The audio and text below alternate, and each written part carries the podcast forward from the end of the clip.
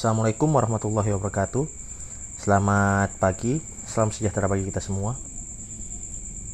Pada pagi hari ini, saya ingin membahas mengenai implementasi akuntabilitas dan nasionalisme di tempat saya bekerja.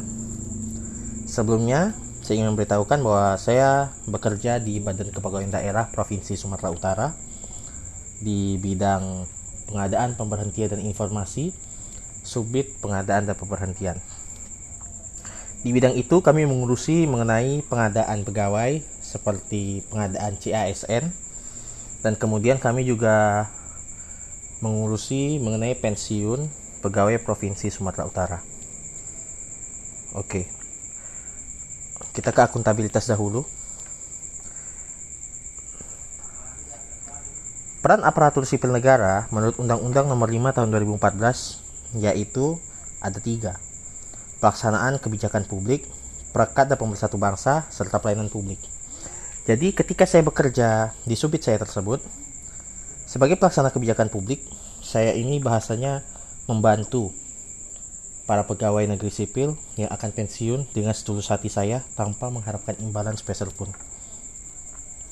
Perekat dan pemersatu bangsa yaitu tidak memihak dan seperti ikut berpolitik ketika saya sedang bekerja.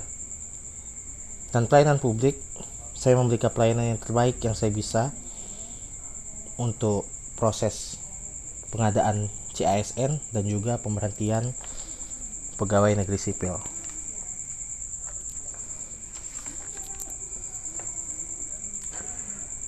Contoh-contoh implementasi nilai akuntabilitas dalam pekerjaan yaitu kejelasan, kepemimpinan, keadilan, kepercayaan, keseimbangan, transparansi, konsisten, tanggung jawab, dan integritas.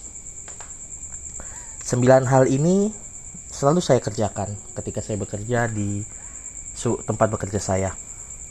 Tapi yang paling sulit menurut saya itu konsisten. Kenapa? Karena konsisten ini dalam bekerja pendapat saya pribadi cukup sulit dikarenakan terkadang semangat kita atau ada masalah di luar tempat bekerja yang mempengaruhi semangat kita dalam bekerja. Meski begitu, saya akan mencoba merubah hal tersebut dengan cara saya akan membuat rencana kerja secara terperinci dari harian, bulanan, bahkan tahunan, serta merubah mindset bahwa apa yang saya kerjakan merupakan hajat hidup orang banyak dan harus dituntaskan segera. Oke, kita masuk ke, nas ke nasionalisme. Nasionalisme dulu dan modern itu berbeda. Saya ulangi, penjajahan dahulu dan modern itu berbeda.